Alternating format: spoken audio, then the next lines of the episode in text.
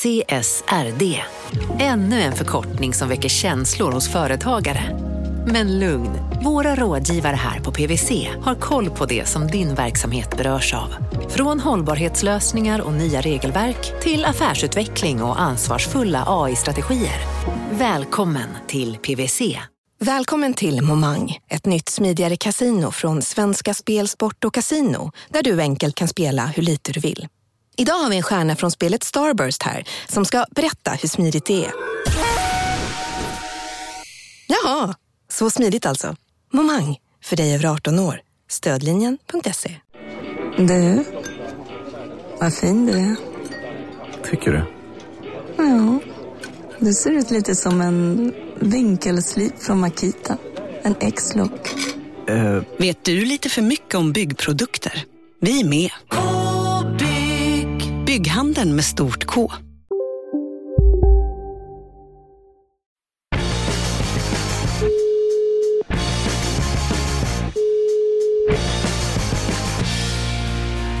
Hallå ja. Välkomna ska ni vara till podden om vi kallar oss krypto. Idag med mig Gunnar Harjus och med dig Mårten Andersson, men inte, på, inte här med mig. Nej, dessvärre eh, så har jag andra åtaganden som måste prioriteras. Eh, Hur mycket jag än älskar vår eh, kryptopodd och vår publik så, så mm, jag ska inte jinxa något här men jag, jag är eh, på sjukhus med min son och vill vara 100% här. Eh, Så krypto får klara sig utan mig utöver det här lilla inlägget då. Jag tror att eh, kurs, jag vet inte hur mycket du för sig driver kurser och sådär i Sverige, ifall det är så att så här, Mårten Andersson borta en, en torsdag och så bara Bitcoin bitcoin minus 40 procent. Ja. Eh, jag tror inte att det är någon större fara överhuvudtaget eh, och jag tror att du kommer ratta den här skutan perfekt. Sen är det också så att en eh, av gästerna idag har jag dessutom ett ganska nära samarbete nu med eh, för Raw, min comedyklubb och våran, vårt första NFT-släpp. Så det känns ju nästan som att det blir kanske roligare eller snyggare att jag inte är med då eh, och framförallt lite mindre jäv. Ja, eh, en av gästerna är en eh, NFT-konstnär som du har jobbat med en del. Eh, Sen ska vi också säga att eh, CTO Larsson eh, ska vara med en sväng eh, på länk faktiskt och prata lite om kursen och vad som har pågått eh, hittills i år och så. Så det kommer bli ett toppenavsnitt trots eh, att du inte är med, eh, Mårten. Jag hade jättegärna velat vara med och snacka idag om, om, med, med gästerna såklart och med dig. Men eh, nej, livet kom före den här veckan Mm. och jag vill vara stöd till min lilla kille. Just det. Men ja, precis. Du har ju fingrarna i ganska många olika syltburkar och NFT-burken är ju eh, en av dem och det är det som dagens eh, gäst håller på med. Mårten, du kanske kan säga vem det är i alla fall? Ja, han heter eh, Henrik men är då a.k.a. 10 second artist och eh, de som eh, följer mig på mina sociala medier har nog sett när jag har skrivit om honom förut och bland annat så har jag köpt då en av hans eh, NFT-konstverk, en Emin Ape som är en bild på Eminem, en rörlig bild eh, som är någon slags förstadie till eh, innan Eminem bestämmer sig för att köpa sin Bored Ape. Eh, Så den har jag då köpt och jag blev jäkligt imponerad av allt han hade gjort och eh, när jag bestämde mig för att vad det var för typ av NFT jag ville göra med Raw, där alltså comedy meets art som har varit mitt eh, någon slags eh, mantra i det här, så kändes han som det naturliga valet. Och nu har vi en första NFT klar, eh, en av eh, flera och vi kommer faktiskt vara med på en eh, utställning, eh, en av världens, kanske inte är, men i alla fall Sveriges första NFT-utställningar eh, på Fotografiska i Stockholm där vi har fått komma med då med den här Raw Hall of Fame som det kommer att heta. Just det, och den är imorgon om ni lyssnar på det här samma dag som det släpps. Men du får väl gärna fråga honom hur det är att jobba med mig, men det vet du ju lite grann själv också. Och, och den här galna prisutvecklingen som har varit. Menar nu, det var ju i helgen, du såg det va? Ja, helt Det stört. såldes en CryptoPunk för 230 fucking miljoner. Nej, jag vet inte. Men vi ska säga det om, om 10 Second Artist också, att det är inte bara så att, det, att du är liksom ensam i den här fanklubben, utan det är ju en, en konstnär som har sålt för ganska betydande belopp och sådär och är ju en väldigt liksom omtyckt populär eh, konstnär i det här spacet. Ja, och det som också jag tycker är så himla kul är att han verkligen har sagt det att han, han lever sin dröm nu. Och det är alltid roligt att prata med folk som, eh, som är euforiska och kring något och Få, få vara med på eh, en inblick i en sån resa. Eh, och kanske vart den resan ska ta vidare eh, om man redan är i sin dröm. Alright Morten, intervjun med 10 Second Artist eh, kommer efter nyhetssvepet. Som jag, du brukar ju härma Bengt Magnusson. Jag tänker på mig själv som mer som Jarl Alfredius. Säger den referensen dig någonting? ja, men jag upplever att du är lite mer karismatisk ändå. En, en, en Jalle? Ja, han var rätt grå ja, faktiskt. det ska du ha. Ja, tack. det ska du ha. Uh, men det blir ju fantastiskt. Nyheterna med Gunnar Harrius. Uh, jag känner mig i väldigt trygga händer och det ska bli lite extra kanske kul då att lyssna på avsnittet som man inte har alltså, inte varit med i, som man inte har någon aning om vad det mm. handlar om. Just det. Att, eh, lycka till, hälsa eh, Henrik och eh, vi ses i veckan du och jag i alla fall. På, vi ska ju på Fotografiska eventet tillsammans. Just det, precis. Ta hand om dig nu och ta hand om barnen framför allt. Eh, och så ja. håller, jag tror att jag talar för alla lyssnare att vi hoppas att allting går bra. Sådär. Ja, men tack snälla. Vi hörs en kompis. Uh, kör hårt. Ciao.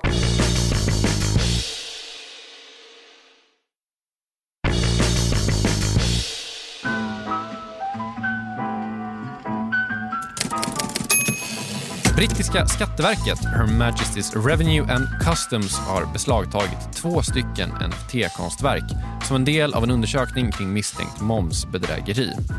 Det här är första gången som en NFT beslagtas av myndigheten. NFT-verken ska ha använts som en del av en penningtvättshärva. Penningtvätt eller ej, i veckan såldes en CryptoPunk för motsvarande 24 miljoner dollar. Det gör det till den dyraste punken någonsin.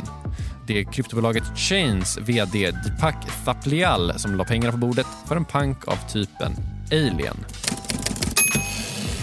Cent, bolaget som är mest känt för att ha sålt Twittergrundaren Jack Dorseys första tweet som NFT, stänger nu sina NFT-plattformar. Anledningen är att allt för många har använt plattformarna för att sälja verk som inte är deras. Sens vd Cameron Hejazi kallar plagiaten för citat “ett fundamentalt problem med webb 3”. Super Bowl var i år överöst med reklam för olika kryptotjänster. Like I was saying, it's FTX. Imagine a community where millions share ideas, trade stocks, crypto. And y'all got electric cars? Yeah. The future is crunk. I don't think so. And I'm never wrong about this stuff. Ett av bolagen som gjorde reklam var Coinbase. Börsen hade dock inte förberett sig på den trafik som skulle komma med reklaminslaget och tjänsten låg nere minuterna efter att reklamen hade sänts. Helt förgäves verkar dock inte reklamen ha varit. Appen Coinbase låg som den näst mest nedladdade på App Store efter sändningen. Hur ska man maxa exponeringen inför lanseringen av en ny produkt? Samsung ställer sig nu i raden av företag som tycker att svaret är släng in en NFT. För den som förbeställer en ny Samsung-telefon eller platta får en Theta Labs NFT inlagd i devicen. Det återstår att se om det blir samma backlash för Samsung som det blev för Apple när de la in en U2-skiva i sina iPhones.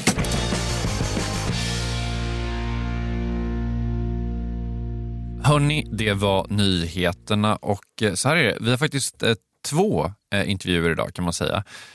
Den första är också svar på en lyssnarfråga som många av er har ställt den här senaste veckan. Senaste veckorna om vi ska vara helt ärliga. Eh, frågan är egentligen, eh, vad är det som pågår på kryptomarknaden? Och eh, kanske en annan fråga som är, vad kommer att hända? Det är jätte, jättemånga som har hört av sig med den här frågan på Twitter och Instagram och sådär. Um, och, eller, så här, det är en fråga som egentligen kommer till oss mer eller mindre hela tiden. Men den här veckan så tänkte vi också att det kunde vara läge att svara på den. För att det har varit väldigt stökigt kursmässigt i år hittills det känns kanske lite som att kursen står och balanserar på en knivsudd och att den kan sticka åt eh, vilket håll som helst, när som helst egentligen. Eh, så vi tänkte att vem är det man vill prata med om det här? Jo, det är såklart Anders eh, CTO Larsson. Så att eh, jag ringde upp honom.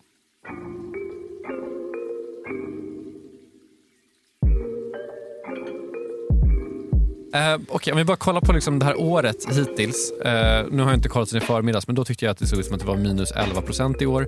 Eller någonting i den stilen. Kolla bitcoin versus dollar. Uh, det har ju varit väldigt turbulent får man nog ändå säga. Mycket upp och ner. Eh, och vad, vad, vad, är liksom, vad är the Larson view här? Vad, vad som pågår egentligen? Mycket turbulent, mycket turbulent. Idag är det upp 4,1 procent, så bitcoin just nu när vi spelar in det här är 44 311. Så att idag är det upp. Och eh, jag har en ganska klar bild av vad det är jag tror händer. Jag har ett huvudscenario och ett eh, alternativt scenario. Jag tror att en, en framgångsfaktor som jag har haft genom den här resan är att jag försöker mig inte riktigt på att förutsäga framtiden. Eh, jag tror inte att jag har någon kristallkula eller kaffesump eller någon slags magisk kraft som gör att jag just kan förutsäga framtiden eh, när ingen annan kan det. Men min erfarenhet genom den här resan är att eh, det visar sig ganska svårt att förutsäga framtiden. Och de som eh, är väldigt självsäkra och säger att de kan göra det har ofta visat sig ha fel sen. Och det kan bli ganska dyrt då om man litade på det och trodde att de faktiskt kunde förutsäga framtiden. Så att det jag försöker göra istället och det som är betydligt lättare än att förutsäga framtiden det är att reagera på vad som faktiskt händer. Så att man kan ha olika scenarier. Man kan tänka sig det här skulle kunna hända eller det skulle kunna hända. Men sen så reagerar man på det som faktiskt eh, händer på marknaden. Det, det scenario som faktiskt eller det som, det som faktiskt händer. Ja. Och eh, att, att se, observera vad som händer i verkligheten är ju då eh, aningens lättare. Så att eh, jag tror så här att huvudscenariet som, som jag äh, agerar på nu det är att priset är i en range. Äh, det vill säga att det finns ett, ett övre spann och ett undre spann. Och priset studsar mellan de två nivåerna då. Och med en tydlig övre nivå på 65 000 och en tydlig undre nivå på 30 000 i mitt huvudscenario så tror jag att det kanske var botten då på den här rangen eh, som, som eh, skedde där. Den blev frontrun lite grann och nu är då priset eh, på väg upp igen här då egentligen.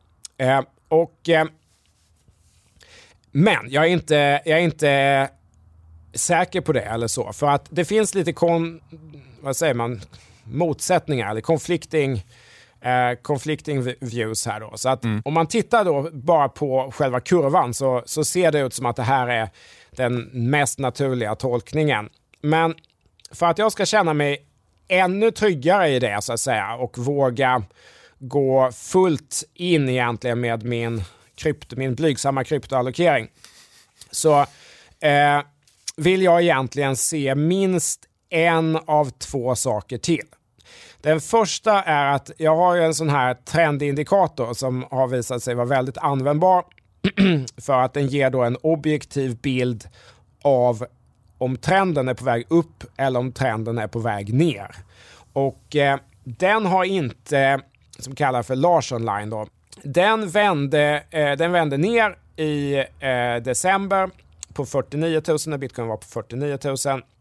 Och sen har den då varit ner eh, eh och den har inte vänt upp än. Jag har ungefär 50 procent av, av de pengarna som jag har allokerat till bitcoin, krypto eh, privat så har jag ungefär 50 procent exponering nu. Eh, och eh, jag vill se eh, Larson Line vända upp eh, innan jag eh, stoppar in resterande 50 procent. Mm. och det är och, den ena grejen då? Det är den ena grejen. Men sen så finns det någon annan grej som händer här som skulle eventuellt kunna hända eh, tidigare, kanske redan den här veckan. Vi får se. Och det är någonting som heter inverse head and shoulder. För att i eh, teknisk analys så finns det några mönster som har funkat i snart 100 år. Det här formulerades på 1930-talet och eh, det funkar fortfarande för att det beskriver bara liksom människans beteende på något sätt. Så att eh, Inverse head and shoulder betyder då att det är några stora spelare som ligger och köper. Eh, och de försöker göra det så, så försiktigt som möjligt så, de inte stick, så inte priset sticker iväg för tidigt. Men man kan ändå eh, se det här eh, mönstret. Då. Och, eh, Mönstret är inte färdigt än. Det har inte confirmed yet, eller bekräftat än som man säger. Men det börjar bli ganska nära. innan det har bekräftat, innan eh, mönstret är eh, slutfört eller färdigt, eh, då är det bara en möjlighet. Det kanske, aldrig, det kanske aldrig sker och då ska man inte agera på det för tidigt. Men om priset går igenom här någonstans 46 500 eller upp till kanske 47 000 då blir det ett sånt här confirmed inverse head and shoulders. Och eh, det är då ett eh, positivt tecken eh, för att det betyder ändå att det är stora spelare som ligger och köper. Och sen så kan det också få en liten extra skjuts, att det kan bli lite så här självuppfyllande. Mång alla kommer se det här.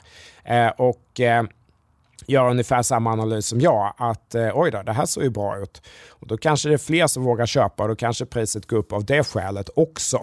Men gör det inte det sen. Det kanske aldrig, priset kanske aldrig kommer över den här neckline på eh, eh, inverse head and shoulder. Larsen line kanske inte vänder upp utan priset vänder ner igen kanske här. Eh, då kommer inte jag sitta och, och klamra mig fast vid mitt huvudscenario utan då får vi liksom titta på andra scenarier Eh, och eh, det skulle kunna det skulle mycket väl kunna vara att den här trenden fortsätter ner en bit ner till. Vi kanske bryter igenom det här 30 000 eh, och det kanske finns plan att eh, skapa mer panik på marknaden, kanske behöver bryta igenom 20 000 och så vidare innan, innan den sista optimisten kapitulerar så att säga och eh, först då det vänder upp igen. Men det får vi ta då i så fall om det kommer dit. Eh, och agera på det i så fall. Så att jag tror att en, en viktig mental modell här är att inte vara så låst i sina tankar utan eh, eh, ta det en dag i sänder, se vad som faktiskt händer och eh, agera på det istället för att försöka eh, förutsäga framtiden. för men, det är ganska svårt. Ja, men det är ändå det du har gjort lite grann nu här. Man kan ju säga typ så, om man ska summera lite kort då, så är det väl typ det finns positiva signaler, magen säger ja, men du vill att Larson Line ska bli, jag kommer inte ihåg om det är gul eller blå den blir när det är köp. Eh, och sen eh, vill du också att en, en så kallad head and shoulders ska fullbordas innan du är beredd att ge starka tumme upp-signaler till dig själv i alla fall. Exakt så, exakt så är det. och den, det, det, ska vara gult då som guld när ah, golden, tänderna upp. Ja. Eh, precis, och eh, så ska det vara en då sån här inverse head and shoulder. Ja. Eh, det vill säga att det är som ett axlar med huvud upp och ner. Så, så har jag tänkt, det är min plan. Eh, och eh, inte finansiellt eh, rådgivning här till alla. Det är viktigt att ha klart för sig att det som är bäst för mig kanske inte är bäst för alla. Om jag förlorar de här pengarna så skulle det vara tråkigt, men eh, det är inte hela världen. Då får jag tjäna nya pengar i så fall. Man ska inte spela med pengar man behöver är väl egentligen huvudrådet. För då blir det väldigt svårt om det börjar, om det börjar man blir för stressad på något sätt. Då. Om det börjar vända åt fel håll eh, så är det, det är jättesvårt att hålla i. Och på samma sätt om man börjar tjäna pengar då så är det jättesvårt att hålla i det tillräckligt länge. Eh, man, man kanske kliver av för tidigt. Mm. Så att eh, No financial advice och man ska inte, om man som jag inte vet skillnaden på en inverse head and shoulder och en riktig head and shoulder, eh, syssla med teknisk analys. Det tar vi också med oss. Anders, du ska stort tack för att du tog dig tid. Stort tack för detta. Mycket trevligt som alltid. Ja, verkligen. Eh, du är välkommen tillbaka när du vill.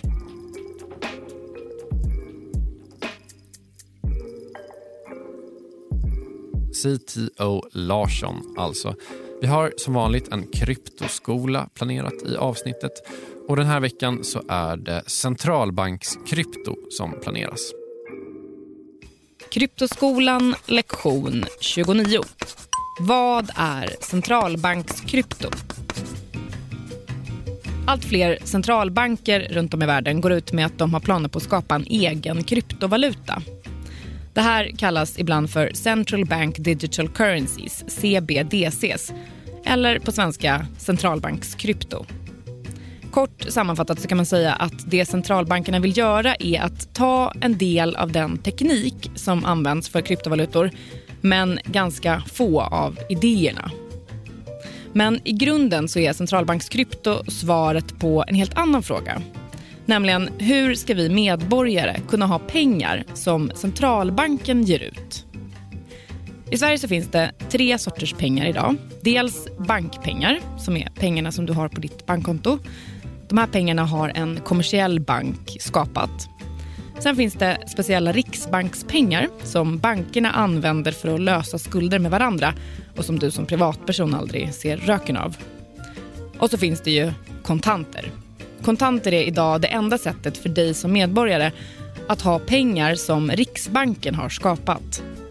Men eh, som du säkert har märkt så använder du ju aldrig kontanter. Det här har också Riksbanken märkt och de vill därför ge dig en annan möjlighet att ha riksbankspengar. Det här planerar Svenska Riksbanken att erbjuda dig genom sitt projekt E-kronan. Andra centralbanker har liknande projekt. Och En del av de här projekten ska alltså använda sig av blockkedjeteknik för att säkra valutan. Men till skillnad från vanliga kryptovalutor eh, så är de inte decentraliserade utan överföringshistoriken finns centralt hos centralbanken.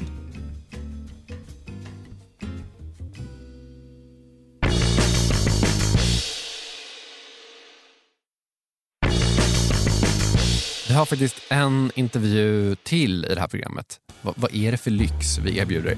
Hur som helst, den här intervjun är med Henrik Ten Second Artist, eh, Arié.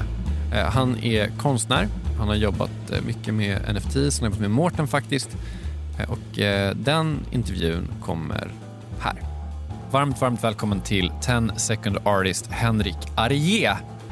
I vanliga fall så brukar jag göra så här, woo, woo, men det känns, det är när Mårten gör på och då känns det naturligt för mig att komma in och wooa. Men du får tänka dig en massa woo nu i rummet. Okej, okay, jag gör det. Jag ja. gör det. Men ja, välkommen. Tack så mycket, jättekul att få vara här. Hur är läget? Jo, det är jättebra. Jätte, jättebra.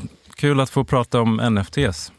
Du är ju någonting så eh, speciellt och unikt som en NFT-konstnär, även om den titeln känns som att den blir typ mindre unik för var dag som går. Eh, källa Twitter, typ. Hur i hela fridens namn blir man NFT-konstnär?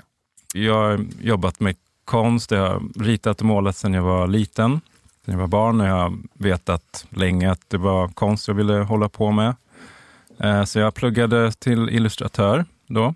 Under åren så har jag ju jobbat mycket som AD, grafisk formgivare och, och samtidigt som frilansande illustratör. Det var ganska svårt att försörja sig enbart på frilansillustration. Eh, så det var mycket ja, AD och grafisk designjobb då mm. samtidigt. Fast eh, egentligen har det alltid varit ja, min dröm eller att enbart jobba med min konst och rita och måla, vilket är min första, ja, största kärlek på det sättet. Liksom. Mm.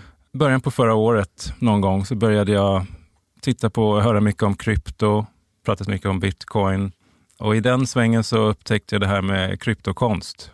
Eh, att det fanns något som hette kryptokonst och NFTs. Och um, strax efter det så eh, i mars då tror jag, hände den här Beeple-försäljningen, den största eh, hittills. Då.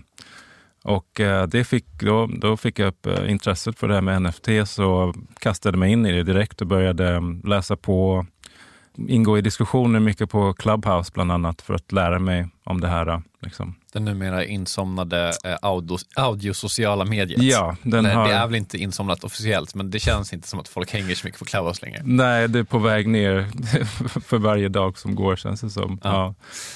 Liksom jag tänker så här, det här är en, en podd för folk som en, nog har något slags intresse för krypto, de flesta som lyssnar på det här. Men jag tänker ändå att vi försöker vara lite inkluderande och, och det är nog många som är lite nya för det här.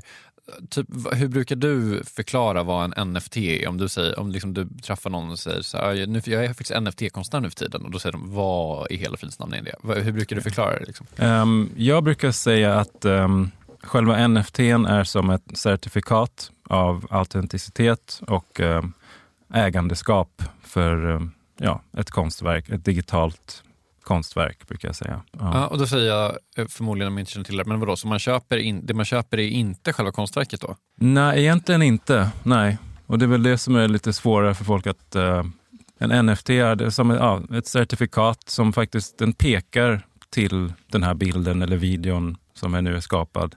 Men egentligen så kan ju eh, vem som helst ladda ner, eh, kopiera videon eller bilden och ha den i sitt ägo. Mm. Men de kan inte göra det med NFT.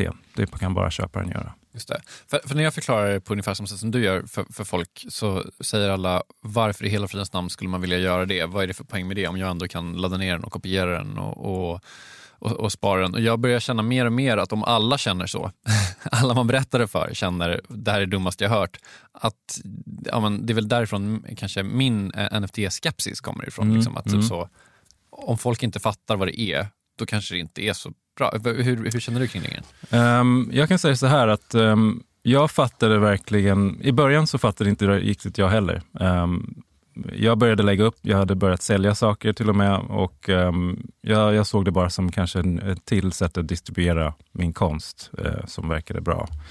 Jag fattade verkligen när jag köpte min första NFT. När jag köpte, jag jag träffade på en konstnär som jag gillade, respekterade. Jag köpte en av hans verk. Um, jag hade den i- i- på, min, på mitt konto. Jag gick in ofta och tittade på den.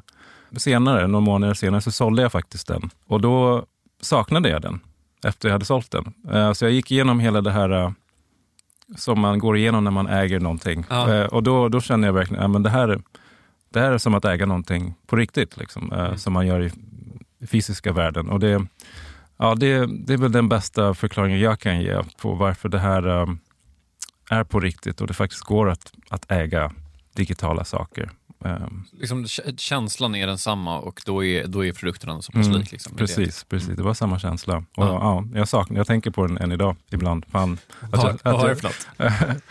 Ehm, det var en, um, någonting som heter en, en chiptopunk. Ja, det är klart det var. Men, men okej, så på Clubhouse då du får eh, liksom eh, hisspitchen, NFT ska rädda världen, men också kanske NFT är ett rimligt och bra sätt att, att eh, sprida eh, och sälja digital konst antar jag är Mm. liksom huvudcaset här. Va, va, hur går det därifrån till att sen faktiskt bli, skaffa dig själv titeln NFT-konstnär? Ehm, ja, när jag landade på det jag ville få ut där så var det Ehm, mycket marknadsföring eh, på Twitter. Så det är in där och, och likea och kommentera, försöka bygga connections med folk på Twitter, samma Instagram till viss grad också. Väldigt viktigt i början var det då att vara uppe på scen då på Clubhouse och berätta liksom, om, om sin konst och vad som inspirerar en och varför man gör sin konst. För det är, det är minst lika viktigt, om inte viktigare än själva konsten, är storyn och berättelsen runt, kring din konst och varför du skapar den.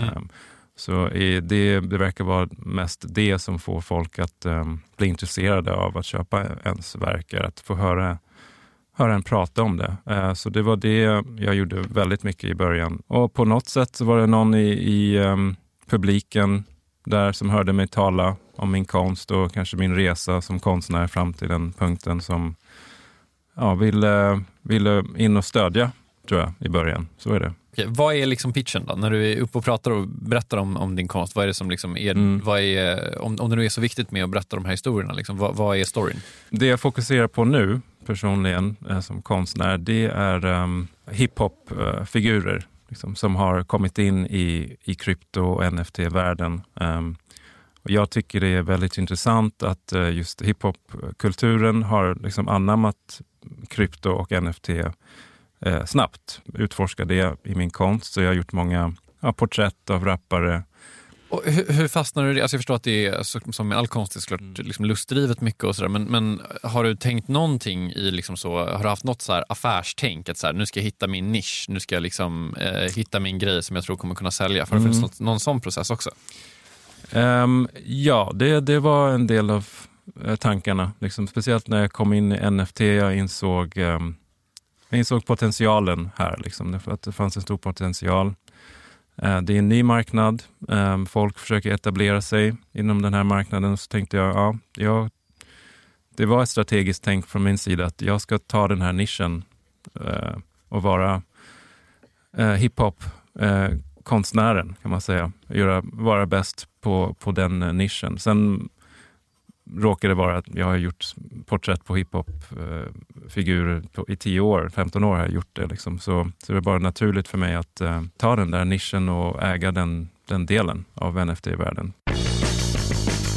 Men du, eh, okej, det här är en lite blunt fråga för att fortsätta använda engelska uttryck helt i onödan. Eh, men hur mycket säljer du för? Alltså vad kostar det att köpa en 10 second artist, ett 10 second artist-verk och hur mycket har du sålt för? Ehm, ja, det, det varierar lite grann beroende på um, upplaga. Alltså hur många det finns av ett specifikt verk? Ja, sådär. precis. Så när jag skapar ett verk så kan jag säga det ska finnas 10 ex av denna eller ett eh, exemplar av denna eller 100 eller så. Och då anpassar jag priset efter det. Om jag gör en så kallad one of one, alltså det bara finns ett ex av den här NFTn, så då är det närmare en ETH.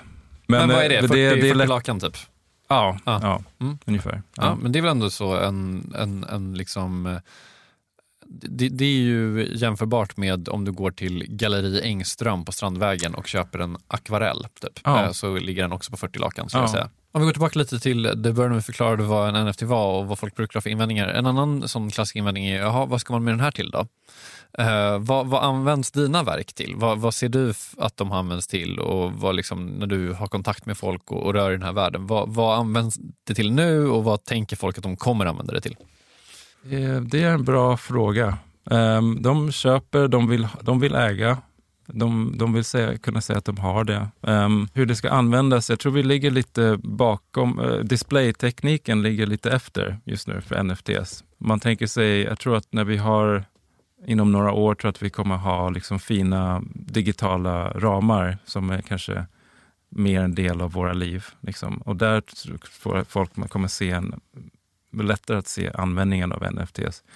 Eh, an, användningsområden av mina NFTs, jag ser det som en, det är väl en bra investering också, tycker jag. Då, ehm, de, kommer inte, de kommer aldrig vara billigare än vad de är nu. Eh, så om man vill sedan sälja den i framtiden så kommer man få mer än vad man eh, köpte den för. Så det är inte på samma nivå som, på, som Bored Apes kanske. Det är Nej. mer av en långsiktig eh, eh, investering att köpa en av mina verk. Men ehm, Men, men den Ja. delen är ju, då är det ju liksom prisspekulation. Eh, Mm. Så är så här, ja du kan köpa den här nu för att någon annan kommer köpa den dyrare sen. Och Mm. det argumentet man använder för när man säljer den sen är du kan köpa den här för det här priset nu för någon annan kommer Ja. köpa den dyrare sen. Det är ju så bubblor byggs.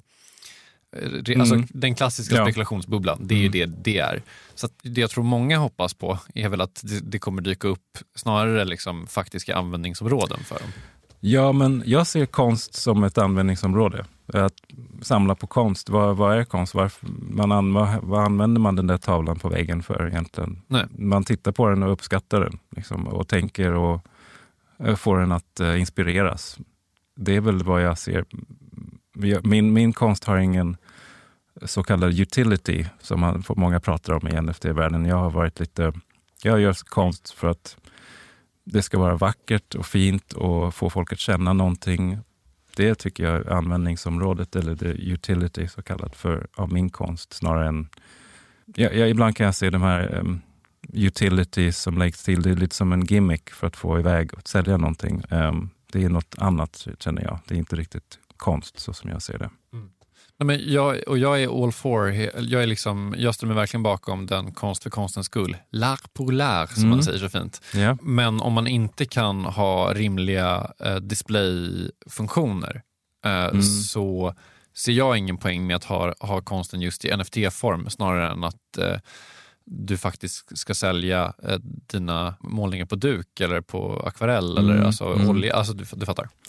Ja, jo, jag förstår vad du menar. Så då, det, är väl, det är väl till stor del... Eh, jag tror det kommer från ett samlar, samlarbeteende. Eh, sen finns det ju vissa displayer. Det- finns ju Samsung Frame till exempel. Eller, du, eller folk eh, går runt och tittar i sin telefon på konsten liksom, och visar folk sina NFTs. Eh, mer och mer lever vi i våra telefoner så det är kanske där kommer vara den främsta displayen i framtiden till och med. Om man tänker sig. Okej, och det elaka argumentet då är ju att jag kan ju ta en screenshot och ha det som min mobilbakgrund bara och så kan jag ändå visa upp det. Eh, liksom. Mm. Men det kommer inte kännas på samma sätt. Nej. Nej. Eh, jag tror att de flesta är överens om att marknaden just nu är lite, lite galen. De sålde den här CryptoPunken för motsvarande 24 miljoner dollar eller vad det var. Mm. Mm. Man behöver inte ha gått en illustratörsutbildning eller typ ha en master i konstvetenskap för att kolla på den och tänka Ja, det där var väl vad det var ungefär. Eh, vad, vad, hur, Ja. hur, hur märker du av den här eh, eventuella överhettningen på marknaden?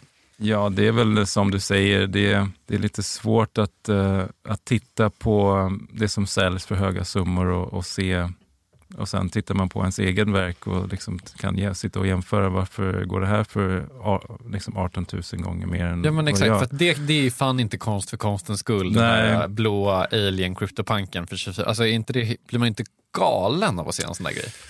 Ja, ja och nej. Jag har väl bara fått acceptera det. Och det är väl också i traditionella konstvärlden så är det på samma sätt också. Liksom. Det, det är inte alltid kopplat exakt mellan kvaliteten och, och priset. Liksom. Det är väl bara baserat på efterfråga, Mm. priset. Ehm, ja, det där, det där är en eh, svår fråga. Eh, de har gjort någonting rätt, tänker jag. They've done something right. Marknadsföring, de har rätt status, de, har, de kom ut tidigt. Um, Bored Ape Yacht Club till exempel, de hade en massa faktiskt innovativa idéer när de släppte sin kollektion som ingen hade gjort tidigare. Eh, så jag tror det var det som gjorde att de blev så värdefulla. till Mm. exempel. Och CryptoPunks, det är ju för bara... De har ett historiskt värde i och med att de kom ut så tidigt. Ehm, så det är väl det är, det är så jag ser på det. Får bara acceptera det.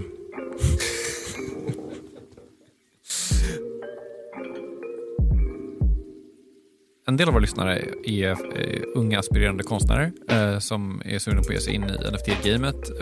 Har du några så, finns det några konkreta tips? Hur börjar man? Vad, vad skulle du göra? Om du får börja om Mm. nu, vad skulle du göra? Det första jag skulle göra är nog ehm, planera lite bättre mina släpp. Sitta, ta en, några timmar i alla fall, eller dagar eller veckor, hur, hur länge man nu behöver för att eh, ta min tid och tänka igenom eh, vad, vad egentligen jag vill släppa som NFTs. För det är, det är permanent. Liksom, när man väl, någonting kommer ut på blockkedjan så är det där. Liksom. Man kan ju eh, radera, man kan lägga upp saker, man kan radera dem, men, men då finns det ett spår. Sen skulle jag säga att eh, gör det du eh, redan gör som konstnär. Eh, försök inte anpassa dig efter eh, vad, hur du ser marknaden, hur den ser ut. För eh, när man kommer in i NFT-världen så ser man väldigt mycket vissa sorters konst. Det är mycket 3D, det är mycket sci-fi. Så eh, ja, det är vissa saker som sticker ut väldigt mycket. Och ehm, jag tror många känner en press att anpassa sig, att ändra lite det man gör efter, efter det för att passa in på något sätt. Och det är ju, även jag gjorde- hade en viss period där i början där jag försökte, jag tror jag försökte anpassa mig lite. Men ehm, när jag verkligen ja, började slå igenom, det var när jag gjorde det jag egentligen var bäst på och det jag alltid har gjort och, och velat göra. Mm. För det där är en grej som jag tror många har tänkt på, att om man kollar på de största och mest framgångsrika släppen och, och liksom de som har fått bli galjonsfigurer för hela den här NFT-rörelsen, så är ju Mm. estetiken relativt likriktad skulle jag säga. Alltså det, det, finns, en, det finns ju nästan skulle jag säga, en NFT-stil. Eh, Bland, som jag tror Ja. att folk tänker på som en NFT-stil. Liksom. Mm, mm. Eh, tänker du att det bara är så en copycat-grej och tror du att det kommer förändras? Jag tror det är mycket ja, en copycat-grej. Det är det. Och att det kommer förändras precis. Ehm, jag tror också det, det är någon sorts, finns ett glapp mellan det som egentligen säljs som NFTs och det som lyfts upp och visas som NFTs. Om du går på eh, Buzzfeed och de pratar om NFT, så är det en viss sort de visar. Fast i verkligheten så är det, det är inte bara det som säljs som NFT. Det finns um, folk som gör allt möjligt inom NFT och säljer väldigt bra. Men när, just när bilden utifrån och det som medierna visar upp är en viss sorts grej. Av någon anledning så har det blivit det. Liksom folk. Um, I vanliga fall brukar vi fråga våra gäster eh, vad man ser att bitcoin kostar om, om ett, tre respektive fem år. Det här blir en lite vagare fråga, men vad ser du att NFT-marknaden eh, är om eh, ett, tre och fem år? Jag tror att eh, jag hörde någon statistik nyligen att det är 0,05 procent som har en NFT idag av världens befolkning eller något sånt. Ehm, så om, om ett år tror jag att det ligger på ehm, ehm, 08. det var konservativt. Ja. Det var kul. Ja. Bra, det tror jag kan slå in. Ja, jag, tror, det- jag, tror, jag, jag tar övern på den. Okej, Eh, okej. Om man ja. en over-under. Ja. eh, ja. Okej, bra, bra. För jag, jag har ju trott att eh, nu är vi på väg. Det här är liksom en raket. Mhm. Och det var ju förra året. Liksom. Och det det. har inte riktigt... Eh, Nej, men det har hänt tror- mycket förra ja, året också. Jag tror att man, ja. Men eh, ja, så det har hänt mycket. 0,08, såklart. bra. Ja, det var om ett år. Vet, det kommer väl vara en, en, gradvis, eh, för en gradvis tillväxt. Liksom några mer och mer människor får upp ögonen och fattar att det inte, inte är en scam. Eh, så det, jag ser en ständig, eh, stadig tillväxt procentuellt av människor som, som äger en NFT. En förbättring av tekniken eh, behövs verkligen. För det, det är svårt att använda, det är ofta dyrt att använda. Så det, det är ett krav först och främst för att vi ska nå nå- ja, större penetration. Just det. Ja. Men om du fortsätter takta den här 0,03 Mm. pro, då är vi uppe på svindlande 0,15 om, om, om tre år redan. Så att Okej, det, det ja. ser vi fram emot.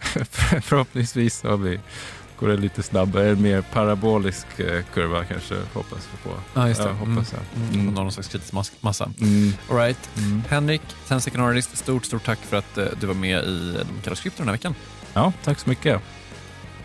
Med det är programmet slut för den här veckan. Nästa vecka så är vi tillbaka med ett helt vanligt avsnitt där även Mårten kommer vara här, tror jag, hoppas jag. Jag, jag lovar det. Jag säger att vi lovar det. Eh, som vanligt blir det också Kryptoskola, nyhetssvep och alla de här vanliga grejerna. Eh, tills dess så kan ni följa oss på Twitter. Där heter vi DKO Krypto. På Instagram och på Facebook och lite sådär så heter vi De kallar oss Krypto. Där kan man också följa oss. Eh, vi försöker svara på allt ni skriver.